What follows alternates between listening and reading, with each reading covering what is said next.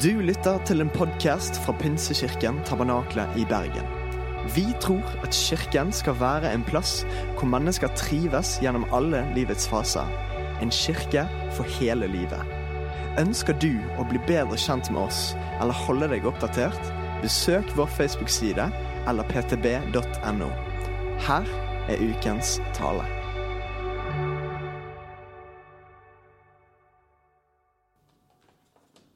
Kan jeg gjøre noe med det? Det er et viktig spørsmål å stille seg.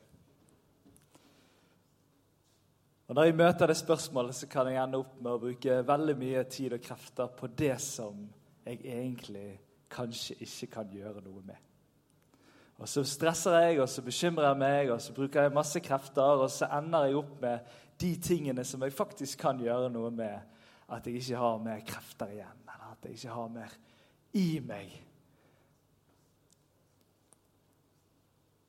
Det er jo litt sånn at hvis du skal rekke noe, komme deg fra et sted til et annet, og du er avhengig av bussen f.eks., så er det jo sånn at man kan jo ikke styre om bussen kommer fram i tide. Det er litt utenfor din kontroll så lenge du ikke er bussjåfør. Da har du en viss påvirkning. Men du har ikke, du har ikke helt sjans det der. Jeg merker noen liksom prøver å ta bussen sånn at de akkurat kommer. Sant? Og så sitter man på bussen og stresser litt. Hvis jeg skal ta fly, eksempel, da er jeg veldig stresset for om bussen kommer når den skal. Men det som går an å gjøre noe med, det er å ta en buss tidligere. Ja, det er ikke et gratis tips til noen der inne. Det er å ta en buss tidligere.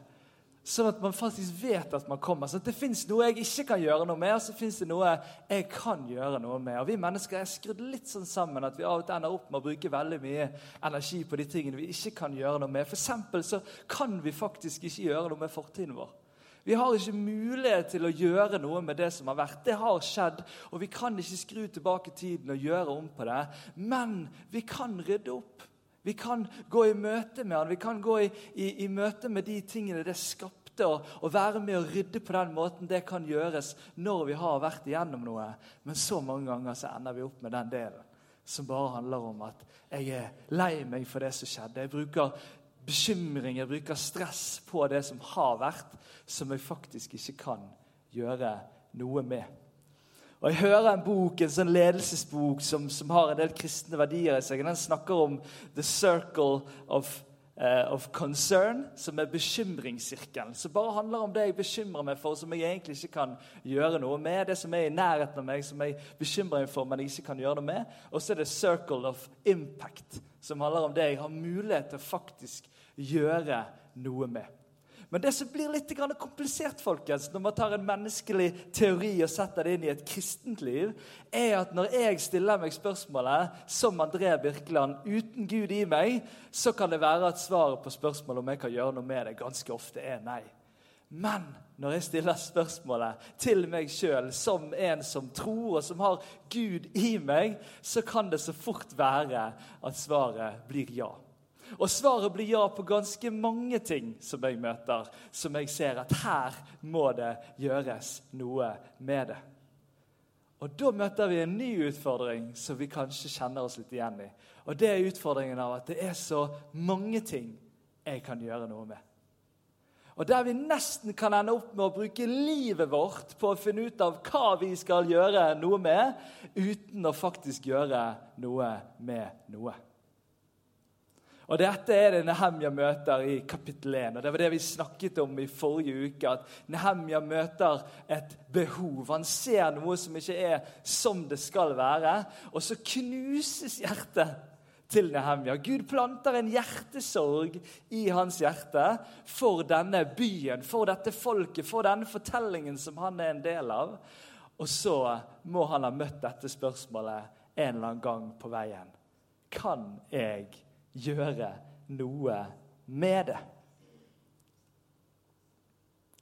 Og I dag skal vi se litt på veien fra å bli berørt, veien fra å bli truffet av noe som Gud ser i denne verden, som ikke er som det skal være, og som han planter en sorg, eller en, at du blir berørt, eller at det treffer deg, og til du faktisk gjør noe med det. Og Her fins det noen steg, her fins noen sårbare steg, og det fins òg kanskje en sorg av å ikke ha fått gå de stegene eller ha stoppet opp på veien. Og Vi skal se litt på dette når vi går inn i kapittel to i boken om Nehemja. Og Det er Nehemja som skriver store deler av det sjøl, og vi leser om det. Vi må gå helt til slutten av forrige kapittel, der Nehemja har bedt. Han responderer på sin hjertesorg med å be. Og så avslutter han bønnen sin på en litt rar måte, der han peker fram til det vi skal starte om å lese i dag. Møtet med den persiske kongen, som har, er overmakten, og som han da plutselig står sammen med, og det blir en mulighet. Men han starter, og steg én er alltid å be om å få muligheten til å gjøre noe med det. Det er alltid steg igjen. Det handler om at noe har truffet deg. Gud har slakt noe ned i hjertet ditt. Og så begynner den bønnen om at hvordan kan jeg være med og gjøre noe med det? Hva kan jeg gjøre? Hvordan kan dette se ut? Og Det er sånn Nehemja avslutter. Og så får han muligheten servert i kapittel 2. Og vi leser fra vers 1 til 3. Og der står det. Det var måneden Nisan. Det var altså desember måned i det 20. året til kong Artexerxes. Det har ikke jeg øvd på å uttale. Han, ja, jeg tok vinen som sto foran kongen, og ga ham. Han hadde aldri sett meg nedtrykt. Kongen sa til meg, 'Hvorfor ser du så nedtrykt ut?' 'Du er da ikke syk.' 'Dette kan ikke være annet enn hjertesorg.' Jeg ble svært redd, sier Nehemia, og sa til kongen.: Lenge leve kongen! Skulle jeg ikke se nedtrykt ut når byen der fedrene mine er gravlagt, ligger øde og portene er fortært av ild? Denne muligheten, jeg tror det er steg to, det er å oppdage mulighetene som Gud gir for å gjøre noe med det. Og Grunnen til at Nehemia i hele tatt får denne oppgaven, er et utgangspunkt av at han er så berørt at man kan se det på han. Og Her trenger vi nordmenn å jobbe litt med oss sjøl. For vi har litt tendens til å skjule alt inni oss. Og at ikke det skal bli synlig på oss, kan ikke vi bryte litt denne kulturen. Kan det ikke være sånne som vi kan se det på oss når noe er vondt, når noe er vanskelig, når noe er truffet oss og vi vil gjøre noe med det? Det virker å være litt større sjanse for noen muligheter når mennesker rundt oss faktisk ser at vi er nedtynget av en sorg for noe som vi skal eller vil være med å gjøre noe med. Og så sier han noe så rart som at 'jeg ble svært redd'. Og Vi var litt inne på det forrige uke, men det som er bakgrunnen her i denne situasjonen, er at det er denne kongen som han er munnskjenk for, Nehemia, som har stoppet rehabiliteringen av murene, som har hindret noe av at dette skal kunne gjenoppbygges. Og Han vet at hvis han deler sin sorg, så kan han være til bry for kongen, eller, eller liksom stå opp mot kongen på en eller annen måte, sier at han vet at i den tiden han levde i, så var det å risikere livet. Og Det starter sånn med for Nehemja at han må vurdere.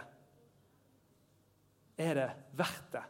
Er jeg villig til å ofre? Er jeg villig til å sette dette på spill når jeg møter disse tingene, eller er jeg ikke? Her tror jeg en av de aller første tingene som treffer oss når noe har truffet oss i en hjertesak eller en hjertesorg, det blir spørsmålet kan vi ofre noe for dette. Og Her må vi snakke litt ærlig sammen, for vi står i en fortelling der noen kanskje ofret litt for mye. Der det kanskje ble stilt opp mot hverandre så fundamentale kall eller hjertesaker som det å være en far eller det å være en ektemann og det å ha et kall en eller annen plass i verden eller i en menighet. Der det ble stilt opp mot hverandre to ting som er så grunnleggende at de skal ikke stilles opp mot hverandre.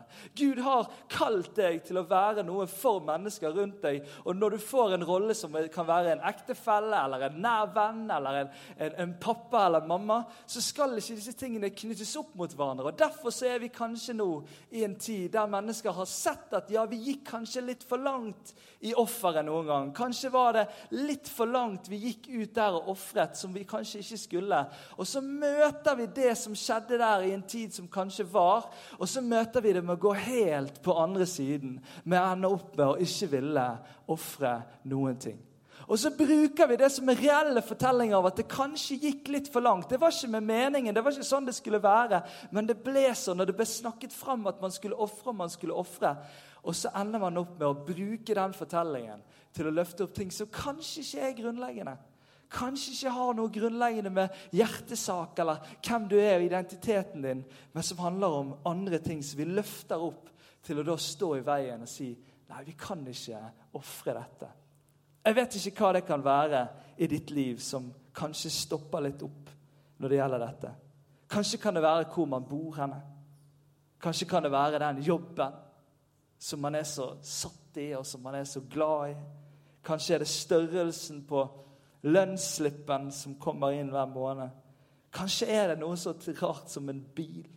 En nyere bil som man har så lyst på, eller man kjenner at nabolaget har de så mange fine biler at denne bilen skal jeg òg ha. Og så begynner man å legge dette i potten. Jeg er ganske langt unna akkurat denne med biler, da, men jeg kjenner at det fins noen ganger i oss. Kanskje det er respektfulle titler man er ikke villig til å forsake eller risikere. Eller miste ansikt. Kanskje er det det å, å, skulle bli sett litt ned på, at det, det, kjennes så vondt, og det vil være så vanskelig å erkjenne at det kan skje. Eller fasaden, som er så god å gjemme seg bak, der alle tror at alt er så veldig, veldig bra.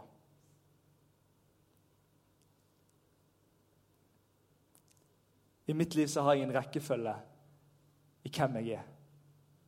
Jeg er først Guds barn. Det er den aller første jeg er. Det er min identitet. Og På andreplass så er jeg ektefelle og pappa. Og på tredjeplass i min identitet og min kalde hjertesak så er jeg menighetsbygger. Men det kommer tydelig i rekkefølgen.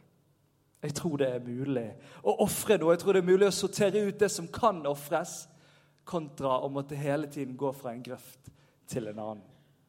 Jeg tror vi alle kan kjenne på det at det fins noen ting i livet som vi faktisk er villige til å ofre hvis vi tenker oss om. Og så er det noen ting vi ikke tror at vi trenger å ofre i det. Dette kan være sårbart, dette kan være spenning i liv som har vært levd lenge. Men jeg tør å gå inn i det, for jeg tror det noen ganger binder oss og holder oss litt tilbake. Nehemja er villig til å ofre alt. Han deler sin sorg høyt ut foran denne kongen. Og så svarer kongen i vers 4. Kongen sa til meg, 'Hva ønsker du?' Og så står det en nydelig liten setning der det her med sier, 'Jeg ba til min Gud'. Midt i denne samtalen, midt i settingen der han plutselig får muligheten servert. Kongen sier 'Hva ønsker du?' Det er noe vi kan gjøre med dette. her. Og så ser han der, og så skjønner han nå er muligheten der. Og Istedenfor å hoppe ut i det, istedenfor å brøyte ut i det, så stopper han opp et lite øyeblikk. Og så ber han denne lille bønnen til Gud. Fordi at han har tro for at det som Gud har startet i han, skal han fullføre. Og Derfor så stoler han på det. Og ikke den muligheten han kan se ut som han har fått på egen hånd, men han peker opp med en gang for å ha sin trygghet i at det er Gud som vil gjøre noe, han vil fullføre det. Gud sier aldri 'lykke til' når han gir en hjertesak eller en hjertesorg. Han sier aldri 'Så bra, vi ses igjen når du er ferdig'. Det er ikke vår Gud. Vår Gud sier 'følg meg'. Jeg er der allerede. Kom, kom etter meg. Gå sammen med meg. Han sier 'Jeg vil være sammen med deg alle dager'. Det er det å forstå i dette, og det er den eneste måten man kan stå i det. Det er Gud som leder, og det er Han vi får stole på. Og det er han Nehemja retter sin tillit til når han midt i samtalen ber til sin himmelske Gud. Og Det er litt interessant. Jeg vet ikke om det er et stort poeng, men posisjonen til Nehemja er også med og gir han denne muligheten. Han har sannsynligvis klatret i et langt system av roller og posisjoner, vist seg verdig, og til slutt så får han stå helt inntil denne kongen. Han får lov til å være munnskjenk, som var den som skulle sjekke om det var, var forgiftnet i, i vinen og det som kongen drakk. Og så er han helt innpå og kommer nært på denne kongen og får denne muligheten. Og Av og til så lurer jeg på om vi, vi er litt for jeg vet ikke om jeg vil kalle det ydmyke, men vi er litt for tilbaketrukne noen ganger som kristne når vi får muligheter til posisjoner i samfunnet. Vi blir litt sånn nei, nei, vi skal ikke være, vi skal ikke peke oss ut og vi skal ikke stille oss fram. og sånn. Men hvis man forvalter ting bra i en organisasjon, i en bedrift, på en arbeidsplass, så vil man bli gitt flere muligheter, og så kan man forvalte disse. Så vet man aldri når det puslet gir deg en posisjon til en mulighet til å virkelig kunne være med og gjøre noe med noe. Jeg elsker fortellingen vi ser nå i det politiske landskapet vårt av unge kristne som reiser seg, som tør å stå i roller som vi vet er utsatte, som vi vet er voldsomme. Og så stiller de seg fram og så sier de, 'Jeg vil være med og gjøre noe.' 'Jeg tør å stille meg fram. Jeg tør å si at jeg kan faktisk bety noe for dette landet', selv om det stormer voldsomt når man blir satt inn. Dette kan finnes på så forskjellige mange områder. La oss stikke oss litt mer ut. Det er ikke kristent og ydmykt å holde seg tilbake og si 'ikke tenk på meg' og 'ikke se på meg'. Det er ikke det at vi skal bli sånne som vi høyer på oss sjøl. Men hvis vi har med oss noe, forvalter noe i en sammenheng, så kan vi plutselig få muligheten til å gjøre så mye. Fordi at vi har forvaltet noen roller. Og vi er kalt til å være forvaltere uansett. Av det vi har i hendene våre, av det vi står med. Og så vet bare Gud hva det kan føre til. Så steg én er at han ber om å få gjøre noe med det. Steg to er at han oppdager denne muligheten. Og steg tre er at han går på det.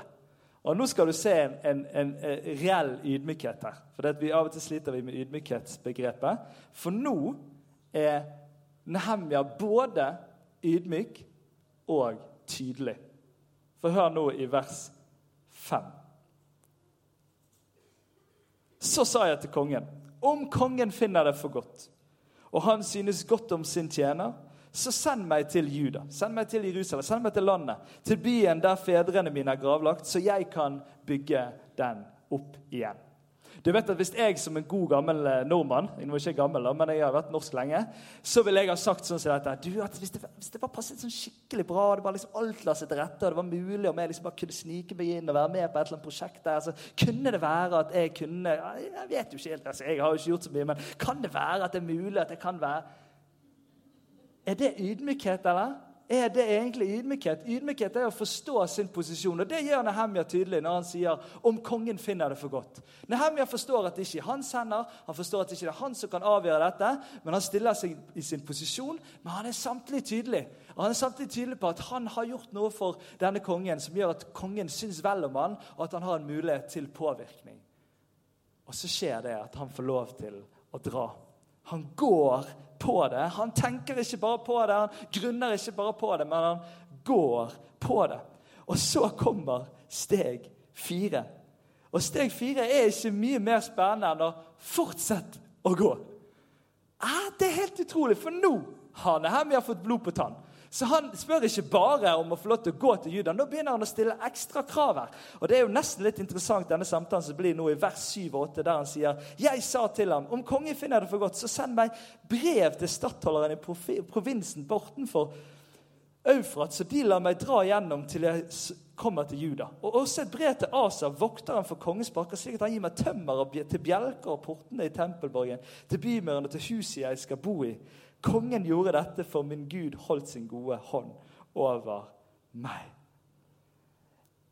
Jeg liker så godt det at Nehemia først har fått det til å rulle. Så ruller han videre.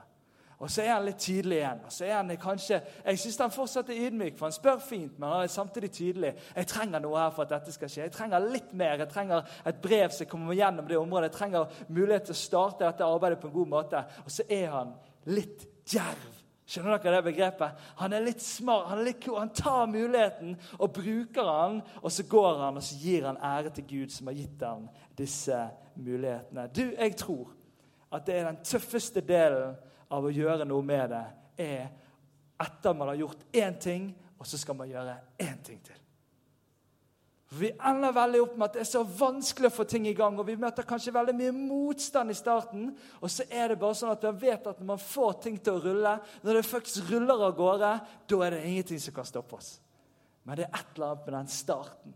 Av å liksom bare gå videre. Ta neste steg kjapt. Ikke la det gå lang tid fra det første steget der du oppdager muligheten og tar den, til du går videre et steg til. Til du tar én telefon til, eller til du snakker med én person til, eller til du går et steg videre. Sånn at det blir konkret for deg, og ikke bare ender opp i noe som ble litt sånn uhåndterbart eller diffust. Og så er det jo gøy at når jeg skjønner at Gud vil dette, her, så kan jeg få mer enn det jeg har forventet. Så han spør om ekstra ting, selv om det virket å være litt voldsomt. Men han spør videre. Og så reiser han. Så setter han seg opp på hesteryggen eller inn i vognen, og så reiser han en lang marsj for å komme til der han skal være. Du, vi trenger noen ganger å sette oss på et tog, sette oss på et fly, sette oss på en buss, dra av gårde for å se hva er det som er greien her. Jeg husker veldig godt Vi var berørt av noe i, i, for noen år siden, og vi dro ens ærend til Amsterdam. Vi var tre stykker som dro av gårde for å sjekke ut er det noe vi skal gjøre i denne byen. Er det noe vi skal gjøre i Europa. Og Denne fortellingen er ingen suksessfortelling. det er derfor jeg har lyst til å fortelle. For Vi opplevde oss berørt når vi var der nede. Vi tenkte Gud vil gjøre noe i Europa. Vi skal gjøre noe i Europa. Det tenker vi fortsatt. Men mange av de kontaktene og samtalene vi fikk der, de førte ikke noe konkret med seg med en gang. Vi vet ikke ennå om det kanskje er en større fortelling som vi ser bredden av, men vi dro. Vi satte oss på fly, vi betalte billetter, vi reiste ned der. Vi var der et døgn. Vi kjente på hva som var i Amsterdam av sorger. Vi kjente hva som var der av lengsel etter å gjøre noe for Gud blant kirkene. Vi var der nede. Vi kjente på det. Og så vet vi ikke hva det kommer til å føre til. Men hør, da. Når vi tør å gå på noe, så er ikke det sånn at alle mulighetene våre ligger i den ene muligheten. Det er ikke sånn at Hvis jeg går på noe og trodde det var Gud, og så skjedde det ingenting, så er alle de andre mulighetene til å være med og gjøre noe med det, vekke. Det er ikke riktig. Men av og til så lures vi til å tro at det er en sånn once in a lifetime. Det er bare én gang det kommer til å skje. Alt må skje riktig når det skjer. Og så blir vi litt redd for feilturene, som ikke alltid trenger å være så veldig veldig farlige. Kan det være vi skal tørre å gå litt mer? Trenger ikke være helt sikre. Vi går litt på det. Vi dinger på den døren, for vi kjente at her var det noe. Og så kan det være vi bommer. Og det verste som skjer, er at man får en samtale med noen som ikke fører til noe videre, eller hva det skulle være. Hva taper vi egentlig på det? Og så drar Nehemja. Så drar han av gårde, og så skjer det noe litt rart. Og Da må vi lese i vers 11-15. Så kom jeg til Jerusalem. Da jeg hadde vært der i tre dager, dro jeg ut om natten sammen med noen få menn. Jeg hadde ikke fortalt noe menneske hva med Gud hadde lagt meg på hjertet å gjøre for Jerusalem. Jeg hadde ikke med meg andre dyr enn det jeg red på. Jeg dro ut gjennom dalporten om natten, forbi Drakekilden og til Møkkporten. Jeg inspiserte Jerusalems murer, som var brutt ned, og portene som var fortært av ild. Jeg dro videre til Skilleporten og til Kongedammen, men der var det ikke plass nok til at dyrene som jeg red på, kunne komme forbi. Jeg fortsatte opp gjennom dalen om natten og speserte muren. Deretter snudde jeg og kom tilbake gjennom dalporten. Hva er det som skjer her, egentlig? Hva er det Nehemja holder på med nå? Hva er dette for en del av hjertesaken? Du vet at Nehemja var ingen han var sannsynligvis en ganske smart mann. Han hadde med seg hodet. Han var klok. Og Det som kan virke som Nehemia begynner med, er det begynner på en strategi. Han må finne ut av hvordan skal han gjøre dette. Hvordan skal han på en måte forvalte dette for å finne ut av hva er det han egentlig skal gjøre i forhold til å få dette til å bli sånn som det skal være igjen. Hvordan skal han være med og gjøre noe med det? Og så legger han akkurat som han legger hodet sitt i bløt, og så trenger han å gå ut og inspisere litt og sjekke litt hva er som er behovene, hva er mulighetene, hva er det som skjer her? Og så er han nesten litt strategisk. Og Det er jo nesten som at det å være strategisk har vært et fy-ord i kristen sammenheng. For kan vi være strategiske, da? Kan vi egentlig være strategiske? Ikke det er bare Gud som skal lede impulsivt hele veien, og så skal vi ramle inn i ting som skjer foran oss? Eller kan det være at Gud har skapt oss med et hode, en hjerne, en tanke, noen erfaringer, noen egenskaper som gjør at vi kan forvalte de mulighetene Gud gir, på en måte som er veldig veldig bra? Og så kan vi faktisk være litt strategiske, litt smarte. Jesus han snakker om dette. Vi liker ikke så godt å snakke om det, men han sier det faktisk rett ut når han snakker i Matteus 10 så sier han noe litt sånn voldsomt til oss. Han sier, 'Jeg sender dere ut som sauer blant ulver.' Og så sier han, 'Vær kloke som slanger og troskyldige som duer'. Og reseransen er faktisk til slangen i Det gamle testamentet. Som er klok, og som lurer Adam og Heva til å spise dette eplet. Det er en fortelling, Vi har ikke tid til å gå inn i hele den. Men han refererer til en smarthet, en klokskap. Og det som er så nydelig, er at selvfølgelig handler ikke det om å gjøre det i det onde. Det vil ikke vi ha noe av. Og det tar romerne opp samme, litt i samme ånd, der romerne 16, 19 sier Men alle har hørt om den lydighet dere viser, og derfor gleder jeg meg over dere. Jeg vil at dere skal være kloke i det gode, men enfoldige i det onde. Det å være kloke, det å være smarte, det å legge hodet sitt i bløt og finne ut hvordan kan vi gjøre dette på en god måte. Det å forberede seg, det å ha planleggingsmøter, det å faktisk skrive ned hva man ønsker at skal skje framover, legge en plan. Det er ikke ubibelsk, det er ikke uåndelig. Vi mister ikke ånden om vi gjør det. Du, Min kone hun er over gjennomsnittet bra på veldig mye. Men det er noen er litt under gjennomsnittet på. Og det å komme på tiden. Jeg er ærlig med dere her, da. Ikke si det til noen. Men når vi skulle gifte oss, så, så hadde vi sånn at vi skulle spille en sang i inngang. Eh, og trommisen som eh, var min forlover, han telte opp han klokken ett når vielsen skulle starte. Og de begynner å spille. Eh, det vi får vite litt sånn ute, det er at Marit har ikke kommet ennå. Så jeg står nå der framme, og vi visste liksom at det skulle være en trompetsolo der når hun kom inn. og greier. Så det vi ender opp med, det er å bare synge de første versene veldig mange ganger. Så eh, Jeg husker min farbror sa det etterpå. Men det var grådig mange vers på den første sangen. men den sangen den klarer jeg nesten ikke lenger. Men det er en fantastisk sang. Og det er den sangen Det er den sangen som hans Nilsen Hauge blir truffet av. Når han går på markene og gjør sin daglige ting, så treffes han av en sang som heter 'Jesus, din søte forening og smaker'. Jeg får vondt i magen når jeg hører han nå. Men allikevel så skjer det noe med Hans Nilsen Hauge. Denne smarte mannen, denne ambisjonsrike mannen blir truffet av Ånden. Han blir åndsfylt, han blir åndsdøpt, som vi sier. Han blir fylt av Den hellige ånd. Og så får han lov til å bety noe for oppbyggingen av Norge på en helt unik måte. Det var ikke en motsetning mellom den flinke businessmannen, den djerve typen som tok de mulighetene han hadde, og det å være åndsfylt og ledet av Gud. Vi trenger denne fortellingen i pinsebevegelsen òg. I det karismatiske, i det impulsstyrte, så trenger vi fortellingen av mennesker som sier 'Jeg skal stå her, jeg skal planlegge, jeg skal være trofast', 'Jeg skal tenke med det hodet jeg har fått'. Og Jeg sier ikke at vi ikke har gjort det i det hele tatt, ikke hør det, men jeg tror vi kan tørre å løfte det litt mer opp. Og nå er jeg litt voldsom her, men det går vel sikkert greit. Jeg drømmer om å se åndsfylte, kloke mennesker. Som bruker det de har i hendene, og mulighetene som Gud gir dem, og forvalter det. Jeg drømmer om å se ting som ingen mennesker kunne klart, som bare Gud har gjort mulig, men som videre forvaltes òg av menneskelig klokskap og pågangsmot. Jeg tror ikke det er noen motsetning. Gud har skapt oss som hele mennesker.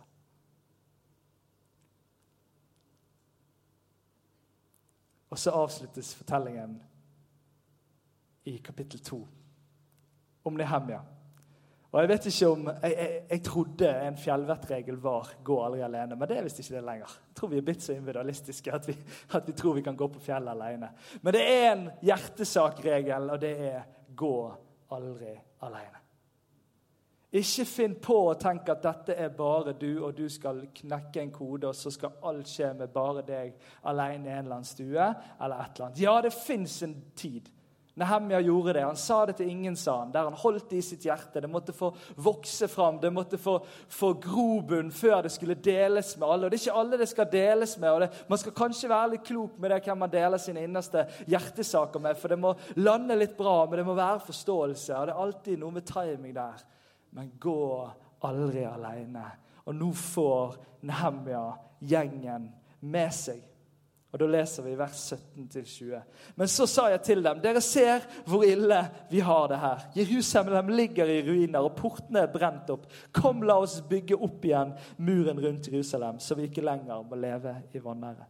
Jeg fortalte dem også hvordan Gud har holdt sin gode hånd over meg, og hva kongen har sagt til meg. Da sa de, 'La oss gå i gang med å bygge.' Og de tok fatt på det gode verket.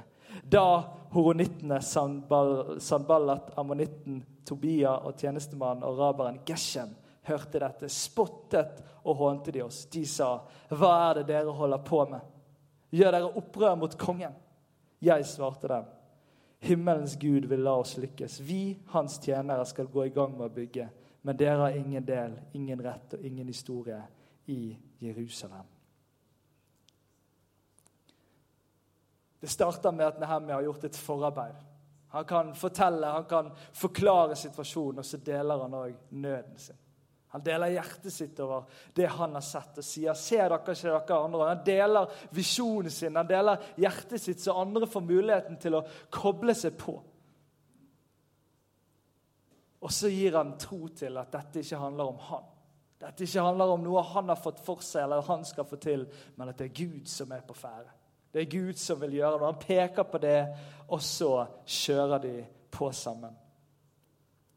Og så trenger man nettverk. Man trenger å stå sammen. Man trenger å møtes om man har noe av det samme på hjertet, sånn at man kan stå sterkere sammen. Sånn at flere hoder kan komme fram til bedre beslutninger. Vi må tørre å snakke høyt om hva vi brenner for, sånn at andre kan snakke sammen med deg om det de brenner for, det er samme sak. Vi trenger å gå sammen om ting, sånn at det ikke blir et enmannsprosjekt eller blir sårbart ved at det bare er én enkeltperson eller noen kjempefå som står i det. Det må være sammen er vi sterke. Og så tror jeg det er en del av det vi minnet ganske sterkt på når jeg forberedte meg. Det er at det ikke alltid din personlige hjertesak som er den hjertesaken du skal bruke mest tid på. Og Det kan virke litt rart, men jeg tror det er sånn at man kan koble seg på andre sine hjertesaker. Jeg tror det er sånn at Vi kan bli litt for opptatt av at det skal være min greie fra starten av. Hvordan kan jeg være med nå når det allerede har startet litt eller begynt å gjøre noe? eller sånne ting, Men det at man kan koble seg på, det at man kan være en som blir med i teamet. Og du vet at Vi ikke, hører ikke om så veldig mange andre rundt Nehemia-navn. Vi får noen navn i neste uke om, om hvem som bygget ved siden av hverandre. Men det er ikke mange navn som blir løftet fram. Og Hans Nissen Hauge er et navn som de fleste har hørt. Men hva med de folka som var rundt den? Det er jo ikke derfor vi gjør noe med det. For at vårt navn skal huskes, eller for at vi skal få en eller annen posisjon. eller hva er Det for noe?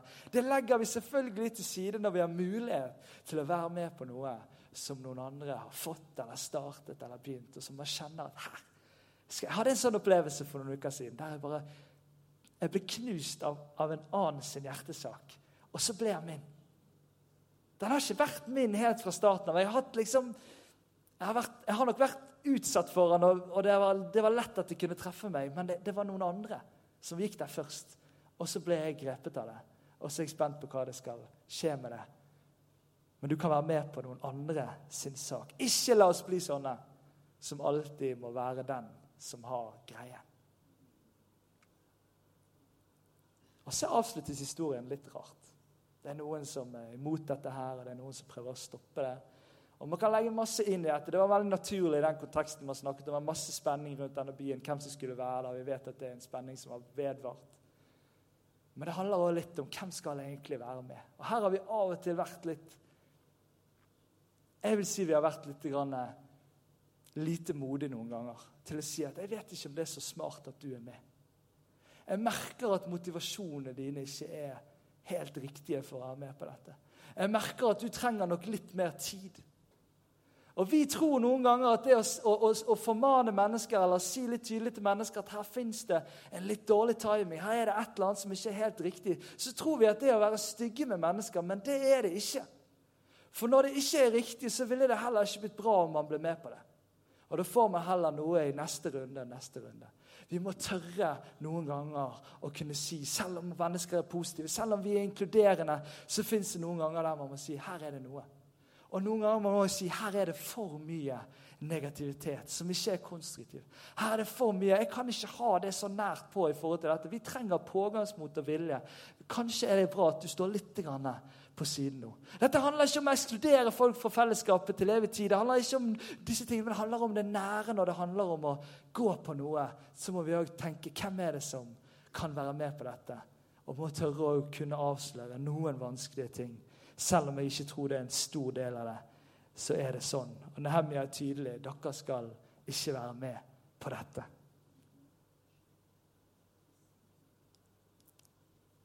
Låsingsteamet kan komme frem, så skal vi avslutte sammen.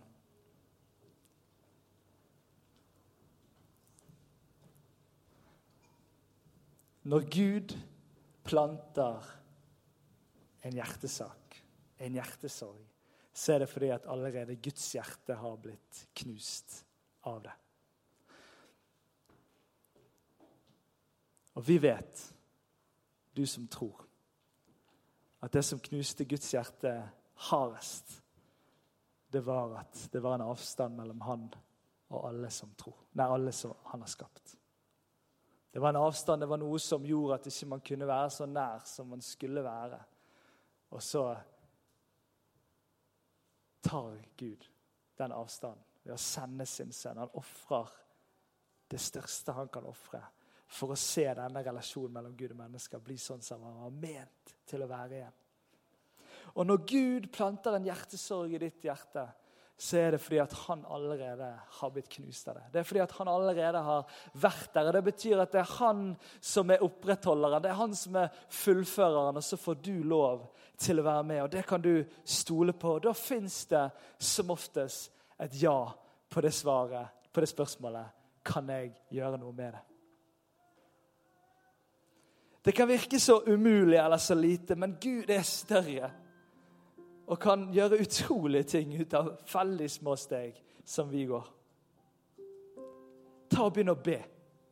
Begynn å be om å få gjøre noe med det. Be Gud om å gi deg muligheter. Be Gud om å vise vei til hvordan kan du være med og gjøre noe med det. Tør å be den bønnen som kan ha så store konsekvenser.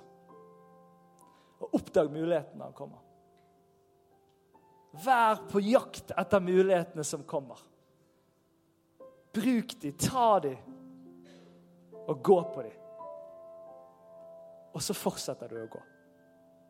Så fortsetter du å gå. Selv om det gikk litt skeis. Selv om det var en liten bomtur. Fortsett å gå. Og vær fylt av Guds fylde. Vær fylt av Hans ånd. Og bruk det smarte hodet som Gud har gitt deg. Og gå aldri aleine gå sammen. Det er bærekraftig, det holder. Impacten eller det som det kan bety, kan være i neste generasjon. Det kan være lenge etter deg. Men når du går sammen med noen, så skjer det noe. Og så står vi der. og Det er derfor Kirken har endret verdenshistorien gang på gang på gang. Det er derfor Kirken har bygget de største og viktigste diakonale institusjoner vi har gjennom sykehus og skole. Det var Kirken som tok tak. De så at her må vi gjøre noe med det, og så sto de, stå de sammen. Og så var det en endring som har forandret hele vår verden. La oss fortsette den historien vi står i, av å forandre verden. Som kristen som tør å stille seg fram, som tør å stikke seg ut, som tør å snakke høyt. Som tør å bruke penselen og male et litt annet bilde noen ganger. Som ikke folk får se så ofte. Skal vi reise oss opp, skal vi be sammen?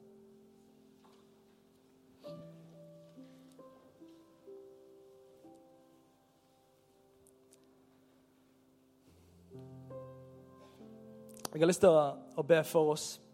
Og det kan være det folk som står på starten av en hjertesak som har truffet deg i de siste årene eller siste år eller siste uken. eller hva. Og så kan det være noen som må trappe litt opp igjen noen steg. Som bare ikke har fått lov til å være noe lenger. Eller har stoppet så lenge opp at man ikke helt hvor man er engang. Så jeg har lyst til å be for deg og det som du står i. Og Dette er en stund mellom deg og Gud. Det er en stund der du kan be dine bønner til Han. Be dine frustrasjoner over der du er kommet, eller det som har skjedd. Eller be dine takkebønner om hva du har vært med på, og be om hva kan jeg få være med på nå. Bruk denne stund. Takk, vår Gud, for at du er her. Takk for at du har lovet å være her når vi er samlet. Takk for at du er nær, og takk for at du er nær på denne verden. Takk for at du elsker vår verden. På tross av alt elendighet, på tross av alt ondskap, på tross av alt, så elsker du med din kjærlighet. Og Nå ber jeg om at denne kjærligheten, det hjertet du har, det hjertet som du knuses av de forskjellige tingene som skjer rundt oss, her, at det skal treffe våre hjerter. Og Jeg ber Herre om sånne sunne, gode hjertesorger i denne kirken. her. Av mennesker som blir nedtynget av at det er noe som de ser at det ikke er som det skal være, som skal gjøres noe med. Og så ber jeg Herre om at du fyller oss med din Hellige Ånd. At du fyller oss og leder oss på der vi trodde det var helt umulig. Så viser du vei, og så skaper du muligheter. Herre. Der døren var lukket, så åpner du døren, så vi kan gå rett inn. Herre.